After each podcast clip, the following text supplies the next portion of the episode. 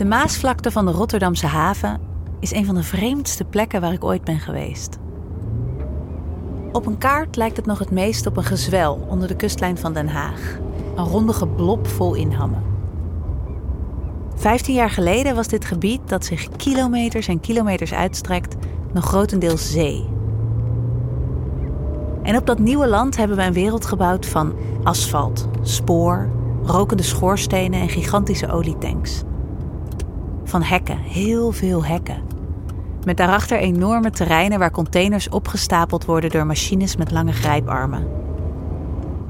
Een wereld gebouwd voor gigantische schepen, die onder al even gigantische kranen liggen om zo'n beetje al onze spullen uit te laden, voor ze weer meer spullen gaan oppikken. Hectares aan staal en beton, nergens een boom, een bruine kroeg of een stoep. De voetganger bestaat hier niet. Alles is ingericht op de vrachtwagen. Misschien wel de enige plek van menselijk formaat vind je hier precies in het midden, op haven nummer 8360. Daar staat namelijk een museum. Tussen de Bouwverkeer. bouwverkeer, kranen en rokende uitlaatpijpen. Welcome to Futureland. Futureland, ja. Zo heet dit museum, met enig gevoel voor dramatiek. Het is de plek waar de Tweede Maasvlakte zichzelf aan de wereld presenteert. Dat wil zeggen aan gezinnen met kinderen die gek zijn van boten, aan toeristen die belachelijke camera's rondtorsen en aan ons, Maaike Goslinga en ik, Maite Vermeulen. Oké, let's do it. Journalisten op zoek naar de scheepvaart van de toekomst. Oh, ik vind die kranen zo vet. Zo indrukwekkend.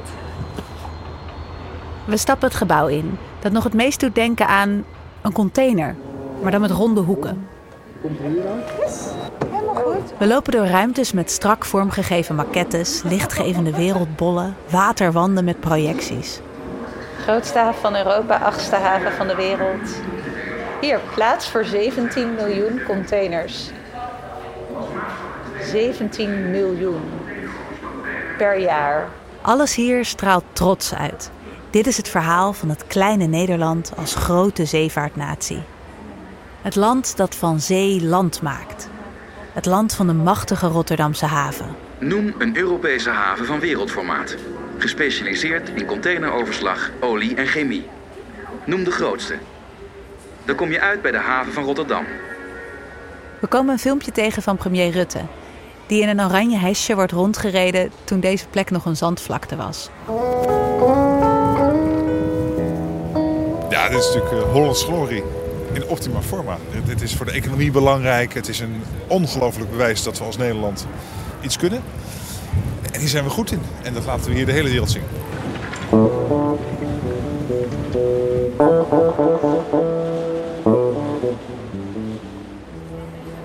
En weet je, het is ook indrukwekkend.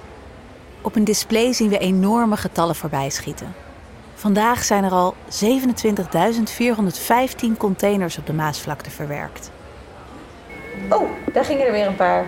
Nu zitten we op 27.420. wow, dat gaat echt in insane tempo. Het is moeilijk om niet onder de indruk te raken van zo'n geoliede machine, van proporties die je niet kunt bevatten. 27.438. 27.443. En het is heel verleidelijk om mee te worden genomen in de vaart van het verhaal dat hier verteld wordt. Een verhaal met als codewoord groei. Als Maasvlakte 2 volop in bedrijf is, zal de containeroverslag bijna verdrievoudigen.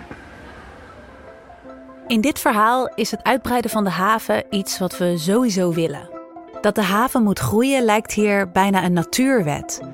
Een beweging die, eenmaal ingezet, niet meer te stoppen is. En in dat verhaal is eigenlijk maar één toekomst denkbaar. Eén waarin de haven nog groter, nog efficiënter en nog alomvattender is. Maar nu Maaike en ik maandenlang achter de hekken van deze haven hebben kunnen kijken, weten we ook wat er ontbreekt in deze vertelling. De arbeidsomstandigheden van de mensen die werken op de megaschepen waar Rotterdam kades en kranen verbouwt. De uitstoot van die schepen en de verwoestende effecten daarvan op het klimaat. De ongebreidelde macht van de rederijen die de containerschepen bezitten. Die verhalen worden hier niet verteld in dit museum.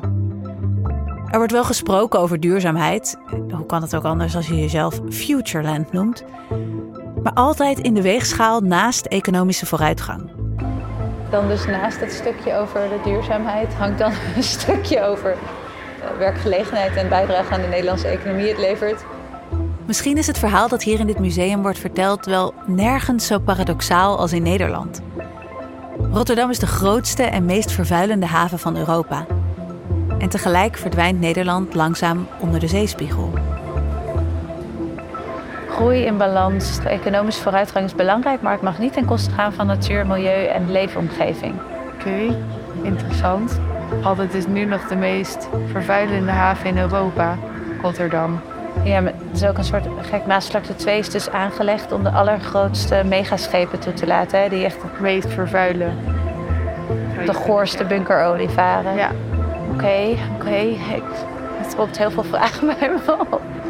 Vragen als: waar vinden we oplossingen? Wie werken er nu aan manieren om de containervaart schoner en eerlijker te maken? Hebben we daar als consument zelf ook een rol in? Kunnen overheden de macht terugpakken van de bedrijven die nu de wetten van ons containervervoer bepalen? Is zoiets denkbaar? Of moeten we misschien op zoek naar een heel nieuw verhaal over containervaart?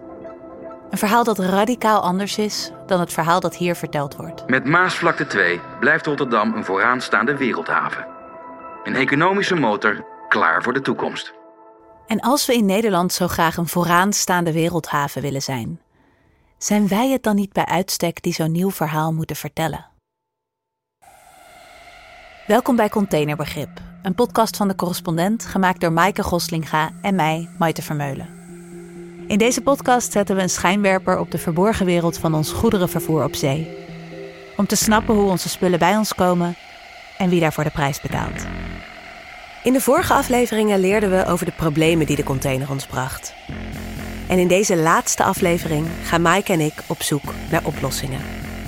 Naar een nieuw verhaal over de scheepvaart van de toekomst.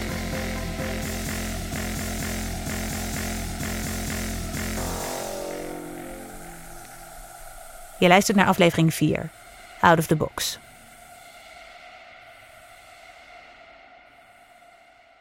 In onze zoektocht naar de containervaart van de toekomst spraken we het afgelopen jaar tientallen mensen. moment waar we, eh, we hebben dus van de Europese Commissie de wet, het wetsvoorstel gekregen. Nou, ik ben Eva Lianne Veldkamp. Ik werk voor Dominica Maritime Registry. Dat is een vlaggenstaat. Mensen die op de meest uiteenlopende manieren zoeken naar oplossingen voor een betere scheepvaart. Ja, ik ben Hans Broekhuis. Ik ben en dus CEO van Voorvat Containers. Mensen aan de beleidskant, Vanochtend heb ik gezien hoe ik eh, als Europarlementariër aan het werk ben om te proberen de scheepvaart iets duurzamer te maken in de toekomst. mensen in het bedrijfsleven, Johannes Schuurman en ik ben eh, Head of Operations and Supply. Bij Good. Bij Goodfields, ja. activisten, onderzoekers, lobbyisten. Allemaal mensen die oplossingen zien. Mensen die strijden voor een wereldwijd minimumloon voor zeevarenden bijvoorbeeld. Of mensen die lobbyen voor strengere belastingregels voor rederijen. En vooral heel veel mensen die ideeën hebben over hoe de scheepvaart groener kan. Om een beeld te krijgen van hoe uiteenlopend de oplossingen zouden kunnen zijn, neem ik jullie mee in een paar van hun ideeën. Kunt u even eh, test, test, 1, 2, 3, test. Dit is bijvoorbeeld Arno Bonte. Je mag trouwens je zeggen hoor, ik weet niet of je dat... eh, ja. Tot vorig jaar wethouder duurzaamheid en energietransitie in Rotterdam. Een van de stokpaardjes van Bonte is een vrij simpele oplossing om de uitstoot van schepen in havens terug te dringen: walstroom. Als een schip in de haven ligt, staat de motor namelijk niet uit. Die ligt lekker te ronken, zodat de crew aan boord nog elektriciteit heeft. Je kunt je voorstellen wat dat voor de luchtkwaliteit in een gebied doet. Stel je voor dat alle geparkeerde auto's voor jouw deur constant stationair zouden draaien.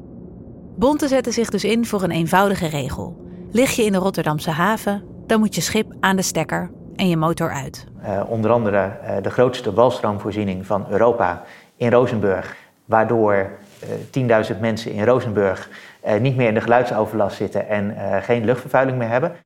Oké, topplan. Nog zo'n eenvoudig idee dat gigantische milieuwinst zou kunnen boeken. Langzamer varen. Onderzoekers leggen ons uit dat een kleine afname in vaarsnelheid al heel veel uitstoot zou schelen. Het gebruik van brandstof is niet lineair ten opzichte van de snelheid, maar is exponentieel. Als de wereldwijde vloot slechts 10% langzamer zou varen, zou ze bijna 20% minder CO2 uitstoten. Je zou zeggen, weer een no-brainer, maar toch lopen afspraken over een wereldwijde maximumvaarsnelheid al jaren stuk in de International Maritime Organization. Het grootste tegenargument van de scheepvaartindustrie: langzamer varen zou, zeggen zij, de flexibiliteit van handel beperken. Nog een idee om brandstofverbruik van schepen terug te dringen, een hele creatieve, komt, hoe kan het ook anders, van de TU Delft. In supermarkten heb je kratjes die kunnen ingeklapt worden. Verhuisdozen kunnen ingeklapt worden. Uh, maar voor containers geldt dat, gold dat tot nu toe nog niet. Uh, en wij hebben dus een oplossing bedacht waardoor je uh, containers kunt inklappen. Waardoor je dus vier containers in plaats van één container op een schip of op een truck of op een, op een railwagon kunt vervoeren. Een inklapbare container dus. Want weet je nog dat zo'n 40% van de containers die verscheept worden leeg zijn? Met een inklapbare container kun je de ruimte op die schepen dus veel efficiënter gebruiken. En hoeven er dus veel minder schepen te varen. En dan is er natuurlijk nog die smerige olifant in de kamer, de brandstof zelf. De stookolie waarop schepen varen, daar is het eigenlijk allemaal om te doen. Die moet natuurlijk vervangen worden in de groene scheepvaart van de toekomst. Maar waar voor auto's de brandstof van de toekomst al lang een gelopen race is, loopt de scheepvaart hierin zo achter dat zo'n beetje alle groene alternatieven nog in testfases zijn. Dus je kunt niet zeggen we hebben genoeg uh, duurzame brandstof uh, van het een of van het ander. En het is ook niet zo eenvoudig, zulke bakbeesten aandrijven. Neem batterijen. Voor binnenvaartschepen op rivieren en kanalen zijn batterijen een prima toekomstplan. Sterker nog, de eerste elektrische binnenvaartschepen bestaan al. Maar stel je wil van Rotterdam naar Shanghai varen, dan zijn batterijen vrij hopeloos. Je zou het hele schip ermee moeten volhangen om zo'n afstand te kunnen varen, waardoor je geen ruimte meer overhoudt voor goederen. Misschien moeten we daarom eerst aan tussenoplossingen denken, zeggen sommige mensen. Zoals Europarlementariër Jurgen Warborn. Varen op LNG bijvoorbeeld. Vloeibaar aardgas. So LNG it's a fossil fuel. It's very hard to, to love a fossil fuel, but we will need it in the transition. Wij varen ook een middag mee op een schip van Good Fuels, een Nederlandse start-up die biodiesel levert aan zeeschepen. Ook biodiesel stoot CO2 uit, maar is wel beter voor het klimaat dan stookolie, omdat de brandstof wordt gemaakt van restproducten, zoals gebruikte frituurvetten. Ja, die is dichtgemaakt. Dus eigenlijk hoe dat wordt berekend met biobrandstof is dat ze de, naar de life cycle kijken van de brandstof. Dus ze kijken naar, oké, hoeveel is er nodig geweest om het transport te doen, het maken van de brandstof, het leveren van de brandstof en vervolgens de uitstoot van de brandstof. En als je dat allemaal bij elkaar optelt, heb je netto een hele grote reductie. We horen ook over heel ander soort brandstoffen, zoals ammoniak en methanol. En over de grote belofte: groene waterstof. Dat maak je door groene elektriciteit door water te pompen en te splitsen in waterstof en zuurstof. En die waterstof kun je afvangen en gebruiken als brandstof. Hydrogen can be used directly in ships or it can be turned into other fuels such as ammonia and they could be used in ships. Alle voor- en nadelen van die brandstoffen bespreken wordt hier veel te technisch. Maar weet, ze hebben allemaal ook flinke nadelen. Sommige zijn bijvoorbeeld hoogst giftig, andere kun je alleen bewaren bij hele lage temperaturen. En veel opties zijn volledig afhankelijk van een toch al te schaarse productie van groene elektriciteit. En hoogstwaarschijnlijk zal er dan ook niet één brandstof zijn waarop alle schepen de komende jaren gaan varen, maar zal het een mix van allerlei groenere opties worden. Ook omdat geen van deze groene alternatieven nog op grote schaal beschikbaar is. Dat maakt het moeilijk om de groene scheepvaart van de toekomst voor je te zien. En het maakt het ook voor bedrijven moeilijk om te weten waar ze op moeten inzetten. Of ze moeten investeren in schepen die varen op waterstof of juist op biodiesel. Want een schip gaat 20, soms wel 30 jaar mee. Dan wil je niet verkeerd zitten met je investering. En dus zie je dat bedrijven vooral maar even afwachten. Niemand wil de eerste zijn die op het verkeerde paard wedt. Innoveren in deze sector is uh, regelmatig uh, best wel lastig. Dus de sector is niet heel progressief, maar meer conservatief. In de Europese Unie wordt wel hard gewerkt aan nieuwe wetgeving die meer duidelijkheid moet geven. Zo werd er afgelopen maand een wet aangenomen die regels stelt voor de hoeveelheid groene brandstoffen die schepen de komende jaren moeten gaan gebruiken. Toch is er één voor de hand liggende bron van energie waar je eigenlijk weinig mensen over hoort. Maar die, sinds we hem tegenkwamen, wat ons betreft sowieso een plek verdient in de containervaart van de toekomst. Wind.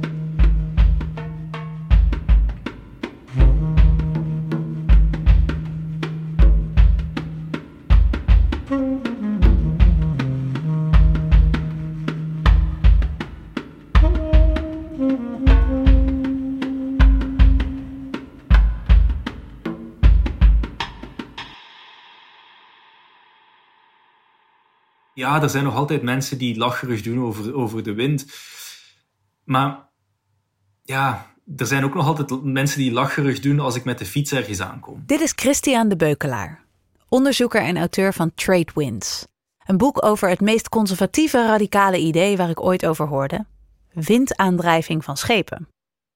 Juist zeilende containerschepen. En moet ik me dan echt voorstellen dat er gewoon een zeiltje bijgezet wordt? Dat er een fok op zo'n schip uh, gehesen wordt? Nee, dus heel veel van de technologieën waar, waar nu rond gewerkt wordt, zijn eigenlijk meer geïnspireerd door de luchtvaart, ironisch genoeg. En daardoor zijn we eigenlijk nu in de mogelijkheid om een soort vleugels te bouwen. Eigenlijk zijn dat, dat zijn kunststofpanelen die als een soort rechthoek van, ja, van, van dek van het schip oprijzen. En die worden dan middels elektronische motoren bediend om de hoek ten opzichte van de wind bij te stellen. En, en op die manier kun je eigenlijk ja, best wel veel energie gebruiken direct uit de wind. We hebben het hier dus over gigantische containerschepen die met moderne vormen van windaandrijving ondersteund worden. Er is niemand die zegt: Let's make sail great again. En laat, laat ons teruggaan naar die, die tijd in de 19e eeuw. Niemand zegt dat. Maar wat de beukelaar wel zegt, is... we zouden het brandstofverbruik van schepen gigantisch kunnen beperken... als we weer gebruik maken van de wind. De meeste schepen varen op routes waar er heel veel wind is... die ze vrij makkelijk kunnen gebruiken. We hebben heel goede technologieën die snel 5, 10, 20 en voor nieuwere schepen 30, 40, 50 of zelfs meer procent van de nood aan brandstof naar beneden halen. En de meest ambitieuze modellen proberen ja, het brandstofverbruik met 90% naar beneden te halen door nieuwe schepen te gaan bouwen die voornamelijk door de wind worden uh, aangedreven. Dus uh, voor de schepen die we nu al hebben, hoe zou dat er dan uit kunnen zien? We kunnen niet wachten op alleen maar nieuwe schepen. We kunnen ook gaan doen wat de industrie retrofitting noemt. Bepaalde windaandrijvingssystemen gaan installeren op bestaande schepen. Dus als je 5 of 10 of 20 procent kunt besparen, maakt dat heel veel uit op vlak van uitstoot. Het is alsof dat je in één klap een paar duizend bussen een stuk efficiënter zou kunnen laten rijden. Of zelfs tientallen duizenden bussen. Dus, dus het gaat erom, je hebt direct een ongelooflijke schaal die je kunt bereiken door één of, of, of, of een kleine vloot van schepen uit te rusten met, met, met, die, met die technologieën. Zo kunnen schepen dus direct minder CO2 gaan uitstoten, nog voordat ze ook maar kiezen welke groene brandstof ze zullen gaan gebruiken. Maar ook daarna, als ze eenmaal groen zullen varen, blijft het voordeel van de windaandrijving bestaan. En dat is misschien nog wel belangrijker. Want hoe minder brandstof je nodig hebt om dat schip eh, voor te stuwen, hoe minder alternatieve brandstof die je in de toekomst nodig zult hebben. Want dat is een van de heel grote problemen. De scheepvaart nu gebruikt ongeveer evenveel energie als alle hernieuwbare elektriciteit die wordt opgewekt doorheen de hele wereld. Dus je kunt niet zomaar zeggen, wij gaan, uh, wij gaan waterstof maken uh, uit hernieuwbare elektriciteit en die gebruiken we dan om schepen te gaan voortstuwen. Want we hebben gewoon niet genoeg hernieuwbare elektriciteit om dat te doen. Niet vandaag, waarschijnlijk ook niet binnen vijf of tien jaar. De beukelaar is overigens geen windprofeet die beweert dat de wind de oplossing is voor alles wat er mis is in de containervaart. Ook met een zeilschip kun je de wereld kapot maken, zegt hij. Je kunt ook gewoon perfect zeggen: ja, leuk, we hebben een uh, zeilschip dat steenkool gaat vervoeren. En dat is niet eens een grap, want er is een Japans bedrijf met een schip waar ze een, een zeil op hebben gezet, op de boeg. En ze gaan minder CO2 uitstoten tijdens het varen, maar ze gaan nog altijd in Australië steenkool ophalen om die dan te gaan verbranden in Japan. Dus ik denk dat dat iets is waar je ook echt moet gaan nadenken van de technologische shift alleen gaat het probleem niet oplossen. Of het nu wind of waterstof is, technologie alleen zal ons niet redden. Maar als de technologie helpt om, of, of ons eigenlijk dwingt om na te denken over die, die grotere problemen, dan kan het wel gaan helpen. En dat doet wind, denkt de beukelaar. Ons helpen bij het nadenken over een nieuwe toekomst voor scheepvaart. Er zit een ongelooflijk mooie symboliek in.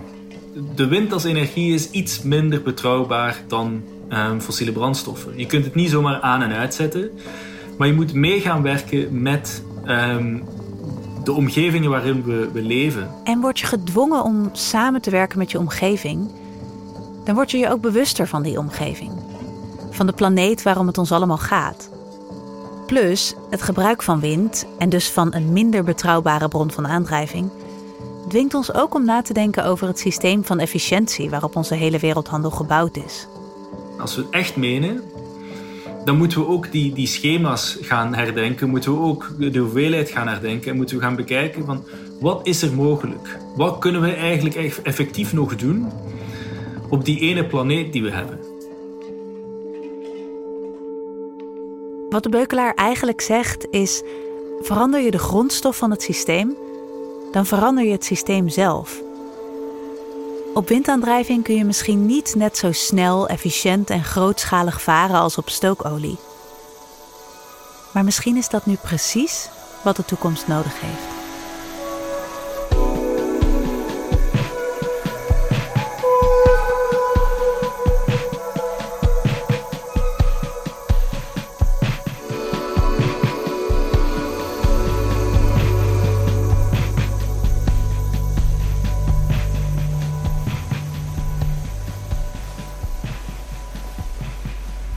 Op een zonnige dinsdagmiddag varen Maaike en ik met een watertaxi van de Rotterdamse Merwehaven naar Heiplaat. Zo. Wel een gezellige werkplek dit. Ja, hè? Mooi uitzicht. Ontzettend. Mooi, mooi plekje voor een oud mannetje. Ah. toch? je zit hier lekker, toch? Ja hoor, heerlijk. Mag ik je zeggen? Ja, tuurlijk. We staan in de stuurhut met Ger, 70 jaar, die zijn hele leven in de haven heeft gewerkt als roeier. Roeiers zijn de mensen die schepen vastbinden aan de kade. Ooit gebeurde dat met roeibootjes, vandaar de naam. Nu schepen zo groot zijn geworden, gaat dat met elektrische lieren en hydraulische klemmen. Ten eerste gaat dat sneller en ten tweede scheelt dat een heleboel ruggen. We wilden Ger eigenlijk spreken over het verleden. Over hoe hij de haven heeft zien veranderen. En daar praat hij ook graag over. Over automatisering. En alles is geautomatiseerd. Over hoe de haven uit de stad verdween. Iets verder, schepen van 400 meter, nou die kun je hier in de stad al helemaal niet kwijt meer natuurlijk. En over efficiëntie. Ja, ja, efficiëntie, ja. Niet zijn favoriete woord. Gaat er dan ook iets verloren? Ja, misschien ook een beetje eh, de gezelligheid een beetje. Maar dan zegt Ger iets wat niet gaat over het verleden, maar over het nu en over de toekomst. Iets wat zo'n snaar raakt dat Maaike en ik er weken op blijven broeden. Ger zegt het terloops op weg naar een ander punt dat hij wil maken. Maar het voelt als de kern van het verhaal over duurzamer en eerlijker goederenvervoer waarnaar we op zoek zijn. Dus het is, het is allemaal verplaatst en het is allemaal snel, snel, snel. Het is al, alles wordt tegenwoordig in containers gestopt. Nou ja, je weet wel, die containers, die terminals, die staan helemaal vol. Het gaat af en af, het gaat dag en dag door, jaar in, jaar uit. Ik vraag me wel eens af, wie maakt dat allemaal op?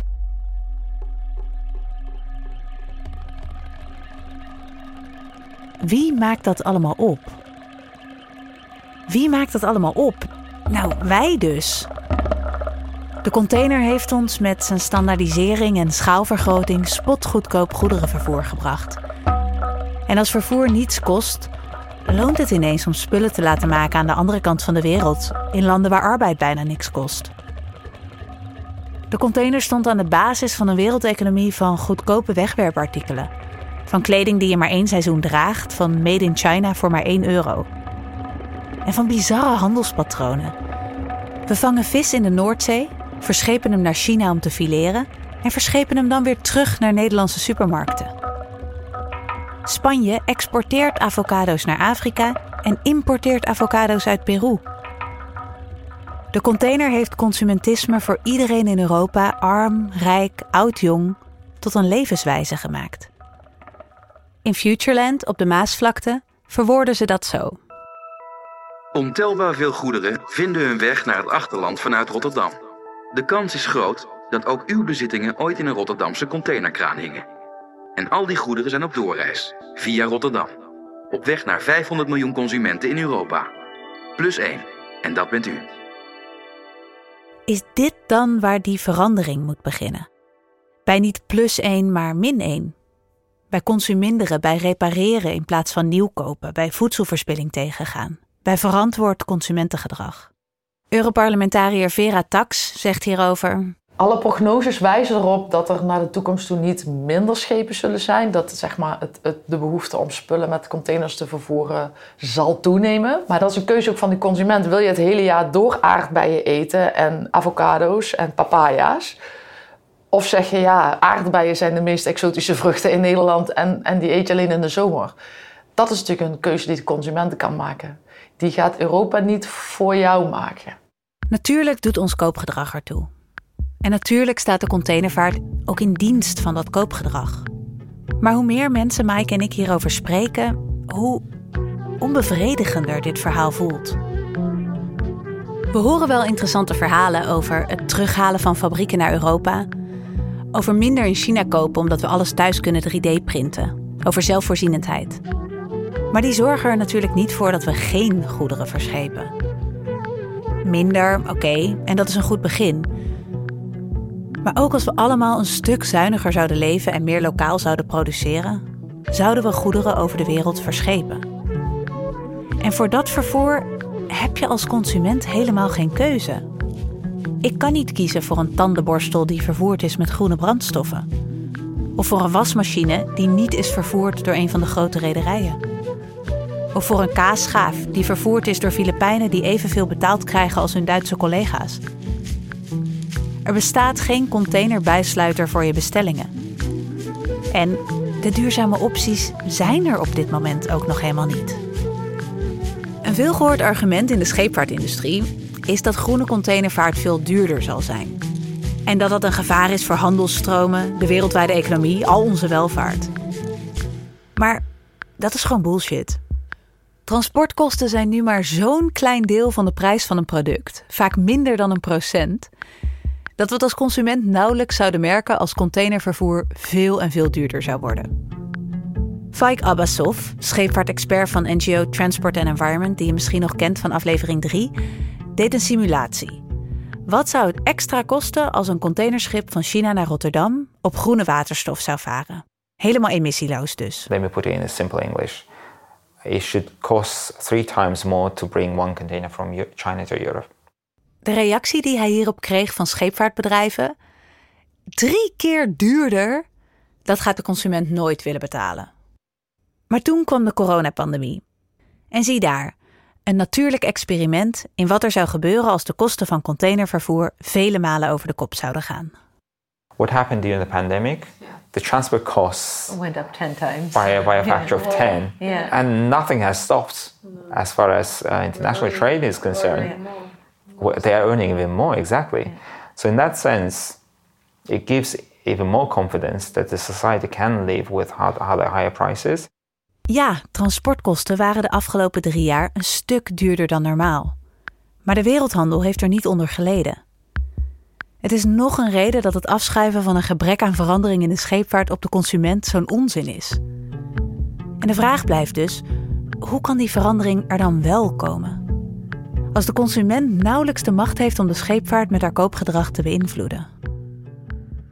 En dan horen we een verhaal van meer dan 200 jaar geleden dat voor ons alles op zijn kop zet.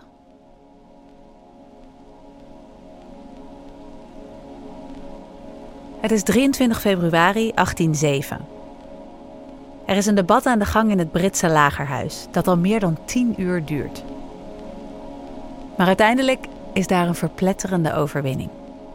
283 stemmen voor, 16 tegen.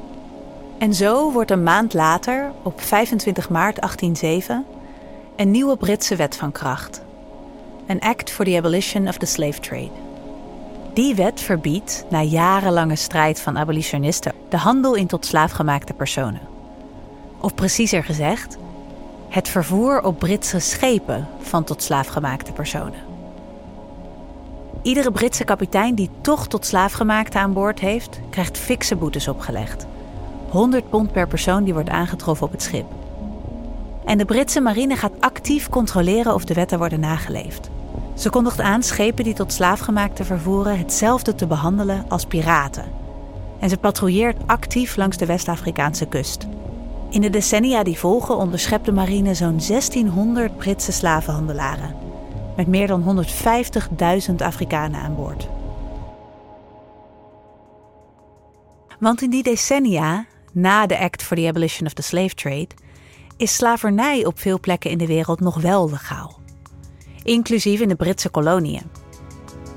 Maar de abolitionisten zagen heel goed: de eerste cruciale stap in de afschaffing van de slavernij is het afschaffen van het vervoer van tot slaafgemaakten. Want juist dat vervoer, dat spotgoedkope vervoer van mensen met schepen over de hele wereld, dat was het fundament onder het hele systeem. En datzelfde zou je nu kunnen zeggen van onze wereldhandel, waarin goedkope wegwerpproducten, fossiele brandstoffen en arbeid in lage lonenlanden centraal staan. Het fundament van dit systeem, het Jenga-blokje dat je niet onder de toren uit mag trekken, is onze goedkope scheepvaart. En het is, het is eigenlijk die geschiedenis van de scheepvaart die maakt dat dat transport is helemaal niet neutraal. Het is scheepvaart die al die dingen mogelijk heeft gemaakt.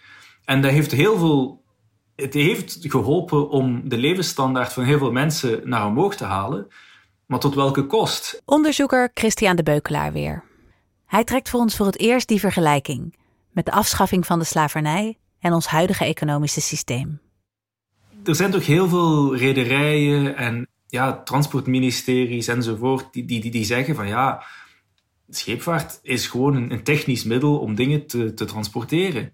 Maar anderzijds is het natuurlijk ook wel zo, als je naar de geschiedenis gaat kijken, dat er een aantal dingen compleet onmogelijk waren geweest zonder de scheepvaart. De transatlantische slavenhandel bijvoorbeeld.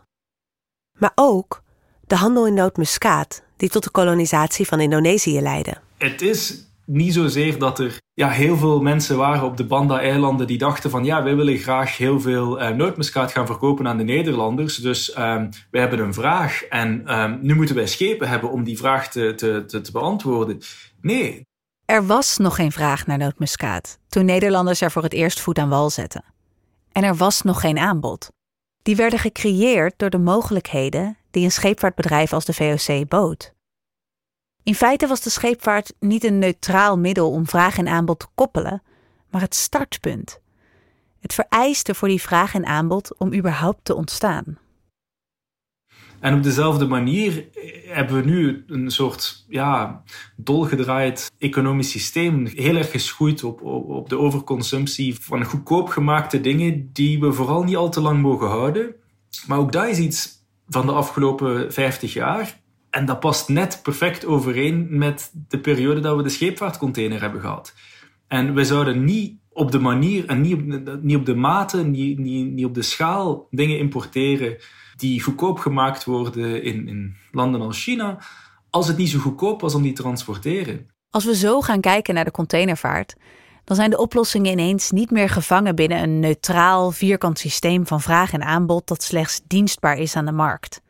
Dan zijn die oplossingen ineens politiek. We transporteren geen mensen meer als, als, als vracht op, op schepen. En gelukkig maar. Maar we zitten wel op een punt waar dat we heel snel een transitie door moeten. Waar ook heel veel tegenstand tegen is. Waar mensen van denken van ja, op zich willen we dat wel, maar we kunnen het niet. Dus de vraag is dan, wat, wat zijn de dingen waar we dan kunnen zeggen dat we ze niet meer zouden kunnen transporteren? Nou, wat zouden we nu de wereld uit willen hebben? Fossiele brandstoffen bijvoorbeeld? dan is het op zich wel een goed idee om ook geen fossiele brandstoffen meer te gaan verschepen. En een heel mooi voorbeeld is kool, de steenkool. Er is een scheepvaartbedrijf in Singapore dat net eerder dit jaar of vorig jaar heeft beslist dat zij niet langer beschikbaar zijn om steenkool te verschepen. Het is geen groot bedrijf, maar die zeggen wij transporteren geen kool meer. Van de ene op de andere dag geen steenkool meer transporteren per schip. Dat gaat misschien wat ver voor de economie, denkt ook de beukelaar. Maar je zou bijvoorbeeld kunnen zeggen, zolang het past binnen wat jullie hebben gezegd dat jullie zullen doen om de, de Parijsdoelstellingen te halen, kunnen wij dat leveren.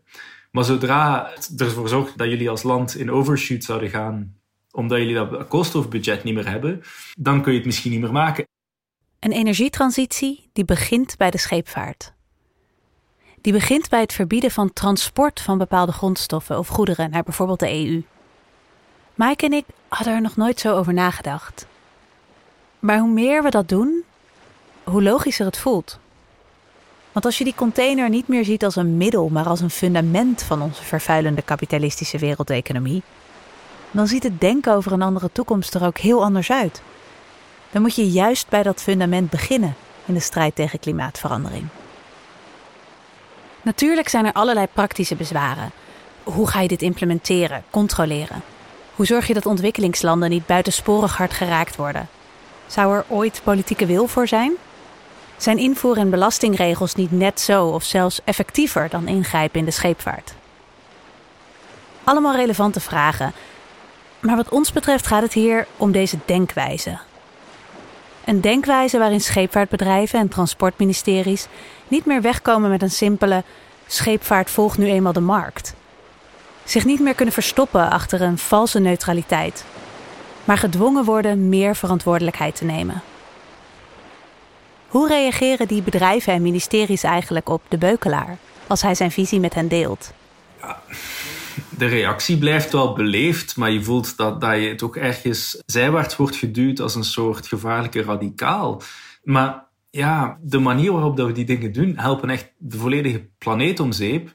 Niet alleen voor deze generatie en, de twee, drie generaties die we ons kunnen voorstellen, maar ook ja, honderden en duizenden jaren verder in de toekomst van de mensheid.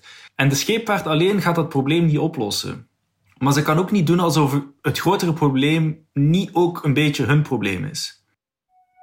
En misschien kan je hetzelfde zeggen over die andere grote strijd in onze tijd. Die tegen wereldwijde ongelijkheid. Sure, yeah. I think you raise a really important point. Herinneren jullie je Charmaine Chua nog? In aflevering 2 vertelde zij over de Filipijnen die ze ontmoette tijdens haar onderzoek op containerschepen. Chua's onderzoek sluit naadloos aan bij de ideeën van de beukelaar. So, we know that shipping has existed long before colonization even happened. But it's really with European colonization that the ship becomes a specific technology for the systemic extraction and exploitation of the global south, the plundering of the global south. En sindsdien is er eigenlijk weinig veranderd, zegt Chua. Sterker nog, de komst van het stoomschip en de komst van de container hebben die systematische uitbuiting van het globale zuiden alleen maar makkelijker gemaakt.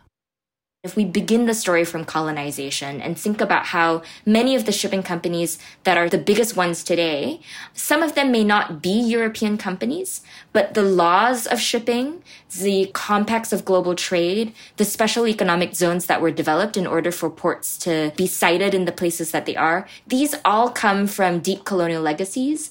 So whenever people talk about China as the factory of the world, we know that labor became costly in Europe and the US and that firms started to look elsewhere for ways to maximize their profit. What isn't told as a kind of crucial part of that story, of course, is the fact that shipping had to be cheap, uh, unitized, efficient, and done at a massive scale in order for this to be possible. Containervaart dus als fundament voor sweatshops, kinderarbeid en uitbuiting in landen ver van ons bed. Als fundament voor modern kolonialisme.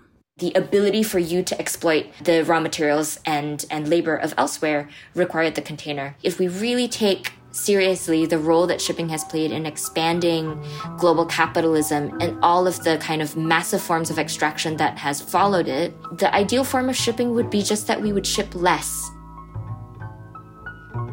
Containervaart is de basis geweest voor wereldwijde economische groei. En dus ook voor gigantische armoedebestrijding in landen als China, Vietnam en India. Maar het is ook de basis geweest van ons vervuilende systeem van uitbuiting. De vraag is hier dan ook niet: is containervaart onderaan de streep netto goed of slecht voor de wereld? Maar de vraag is: gezien die gigantische macht van de container, hoe wordt die macht gebruikt? Kan de scheepvaart een actievere rol spelen en zeggen van ja, misschien moeten we minder van dit transporteren, net een beetje meer van dat. Minder tussen deze plekken, die eigenlijk al ja, heel hoge ehm, niveaus van, van consumptie hebben. Maar zijn er toch een aantal regio's waar ja, de armoede waar mensen in leven toch zodanig groot is dat dat misschien onze prioriteit zou moeten zijn. Want deze denkwijze laat ook zien onze supply chains en de manier waarop schepen en containers ingezet worden, zijn geen natuurverschijnsel. Ze zijn gevormd door keuzes van bedrijven en van politiek. En daar is dus iets aan te veranderen. So the way that I often talk about supply chains is I flip the the famous way that Marx in the Communist Manifesto says workers of the world unite we have nothing to lose but our chains and I often say we have nothing to lose but our supply chains.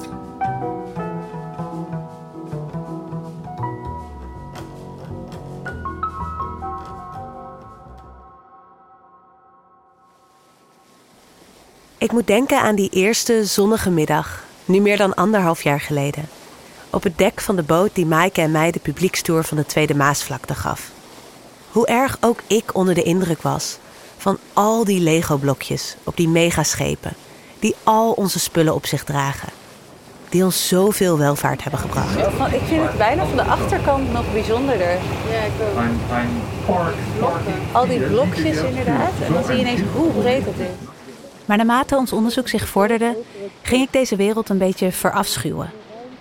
Ik zag de vervuiling, de uitbuiting en de manier waarop bedrijven de Lego-blokjes gebruiken om een muur om zich heen te bouwen en zo elke verantwoordelijkheid te ontlopen. Maar juist in Nederland, juist in ons land dat steeds verder onder de zeespiegel verdwijnt en een belangrijke haven heeft, juist hier moeten we dit gesprek voeren. We hebben dan wel meer middelen dan bijvoorbeeld de Marshall-eilanden om ons hoofd boven water te houden. Maar zo anders dan die eilandengroep zijn wij niet. Ook voor ons land is het 5 voor 12. Denk ik mijn hele conclusie uh, van, van ons onderzoek.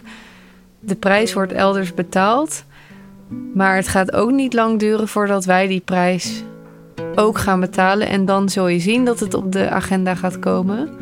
Maar we kunnen dat voor zijn. Handel wegzetten als iets neutraals of zelfs als een manier om iets te depolitiseren, dat gebeurt constant, maar daar moeten we vanaf. Handel is niet apolitiek. Het is geen natuurwet. Het is bij uitstek een politieke keuze waar we in handelen, met wie we handelen en onder welke voorwaarden. En daarmee zijn ook containerschepen geen neutrale volgers van de markt. De bedrijven die deze schepen bezitten hebben veel meer verantwoordelijkheid dan ze pretenderen en nemen. Zij kunnen markten en handelsstromen maken en breken. En de politiek kan kiezen om die bedrijven ook aan hun verantwoordelijkheid te houden. En misschien is niemand daar klaar voor. Ja, en dat vond ik dus heel interessant.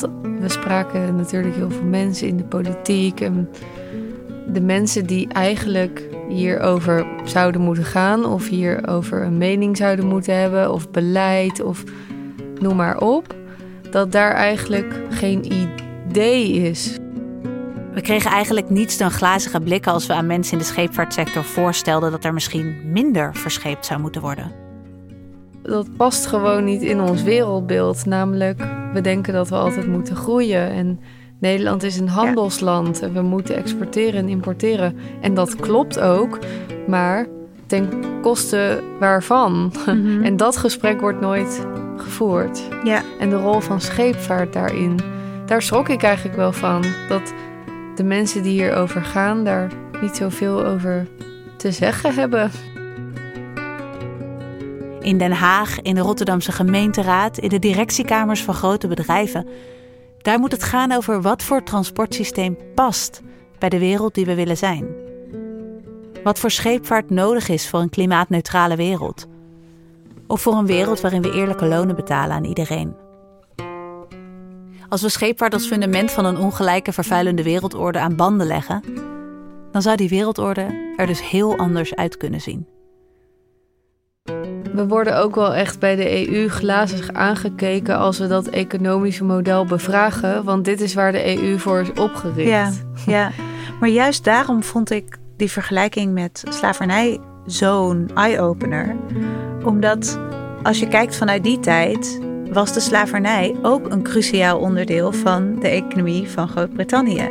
En was het helemaal niet een economisch slimme keus om het vervoer op tot slaafgemaakte te verbieden. Maar dat was een morele keus. En je zou ook kunnen zeggen dat we nu ook in de wereld weer voor morele crisis staan. Zoals hoe snel we het klimaat redden voor toekomstige generaties. Dat is ook, heeft ook een moreel aspect. Of ongelijkheid en arbeidsomstandigheden in andere landen. Dat zijn weer morele keuzes. Dus, en die gesprekken, die worden gewoon nooit gevoerd bij transportpolitiek. Dus laat dit verhaal een aanzet zijn voor zo'n gesprek. Want als ik nu in de haven loop en al die Lego-blokjes zie, dan zie ik dat daar ook de sleutel ligt verscholen voor het nieuwe verhaal over de containervaart van de toekomst.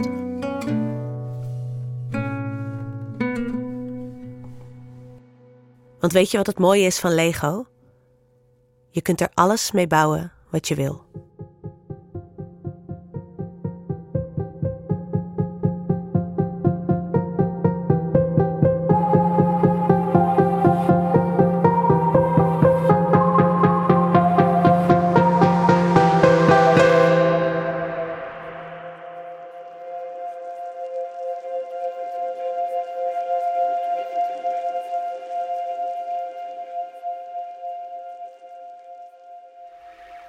Containerbegrip is een productie van De Correspondent. Gemaakt door mij, Maite Vermeulen, in samenwerking met containernerd Maaike Goslinga. Maar je bent dus nog steeds een container fanboy? Ja, dat vind ik echt een moeilijke vraag. Ik denk dat ik nog wel een container fan ben, ja. En dat zeg ik alleen maar omdat, het, omdat ik het graag levend wil houden. Dus ik blijf, ik blijf jullie volgen, container. je bent nog niet van Maaike af. nee, je bent nog niet, je bent nog niet van me af. Montage, sounddesign en mixage van deze aflevering werden gedaan door het razendsnelle creatieve brein van Julius van Eiperen. En ook aan deze aflevering werkten weer een paar fantastische collega's mee. Jacco Prantel deed de audioredactie. Jelena Barasic deed de eindredactie. Rosanne Smits las mee. Riffy Bol checkte mijn feiten tot ik gek werd. Zoals, ja, je kan niet alles maken van Lego. En ik kreeg onmisbare coaching van Mirke Kist van Audiocollectief Schik. Smaakte deze podcast naar meer? In de podcastkanalen van de correspondent vind je al onze audiojournalistiek. En wil je die steunen? Doe dat dan door lid te worden van de correspondent. Dat kan al vanaf 9 euro in de maand. Ga naar decorrespondent.nl slash wordlid.